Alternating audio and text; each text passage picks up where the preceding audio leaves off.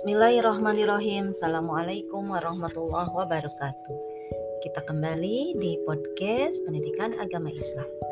Kali ini merupakan pertemuan ke-11 untuk materi pengelolaan dan pemanfaatan harta. Di dalam Al-Qur'an Allah Subhanahu wa taala mengingatkan kepada orang-orang yang beriman, Ya ayyuhalladzina amanu idza tadayantum bidainin ila ajalin musamma faktubuh Wahai orang-orang yang beriman, apabila kalian berhutang dengan satu hutang sampai pada batas waktu tertentu, maka tulislah. Ini merupakan urusan muamalah, hubungan antara manusia dengan manusia tentang hutang piutang.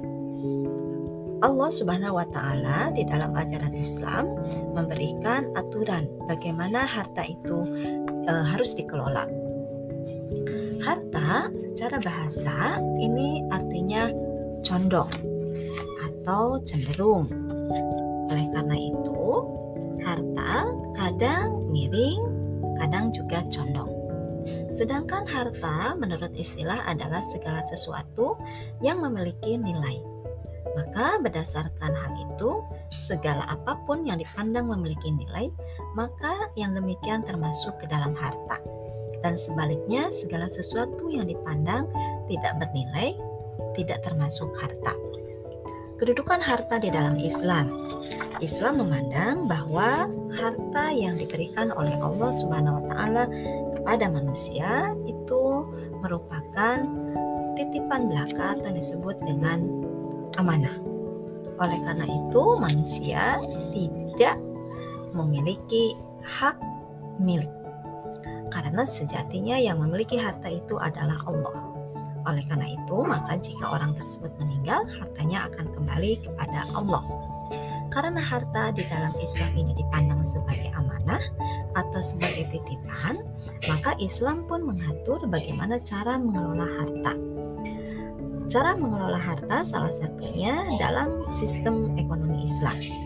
Sistem ekonomi Islam adalah sekumpulan dasar-dasar umum ekonomi yang disimpulkan dari Al-Quran dan As-Sunnah dan merupakan bangunan perekonomian yang didirikan atas landasan dasar-dasar tersebut yang sesuai dengan kondisi sosial budaya. Sikap manusia terhadap harta, bagaimana seharusnya? Cara ini dilakukan supaya manusia bisa menyikapi bagaimana dia jika memiliki ataupun tidak memiliki harta. Yang pertama, dalam cara memperoleh harta. Harta itu harus diperoleh dengan cara yang halal. Demikian juga, harta itu harus dibelanjakan dengan cara yang halal. Ini termasuk pada sikap positif yang kedua, yaitu etika membelanjakan harta. Etika membelanjakan harta di antaranya menggunakan harta secukupnya, tidak berbuat mubazir, tidak menghambur-hamburkan harta atau boros, apalagi bermewah-mewahan, dan kewajiban membelanjakan harta serta membelanjakan harta untuk kebaikan, kemudian menghindari pembelanjaan untuk barang yang mewah, menghindari pembelanjaan yang tidak disyariatkan, bersikap tengah-tengah dalam pembelanjaan harta. Ini jika dijaga oleh setiap muslim, maka dia sudah mengelola harta dengan baik berdasarkan anjuran Islam.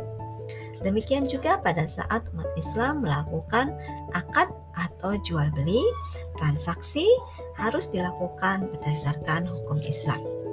Tidak semata-mata Islam itu mengatur kehidupan manusia, melainkan di balik aturan itu akan memberikan manfaat yang sebesar-besarnya. Dan tidak semata-mata Islam memberikan larangan dalam pengaturan harta itu, melainkan di balik aturan pelarangan itu ada mafsadat yang sangat besar. Misalnya, kenapa Islam melarang riba? Karena di balik larangan riba itu, riba mengandung banyak maldarat dan banyak mafsadat.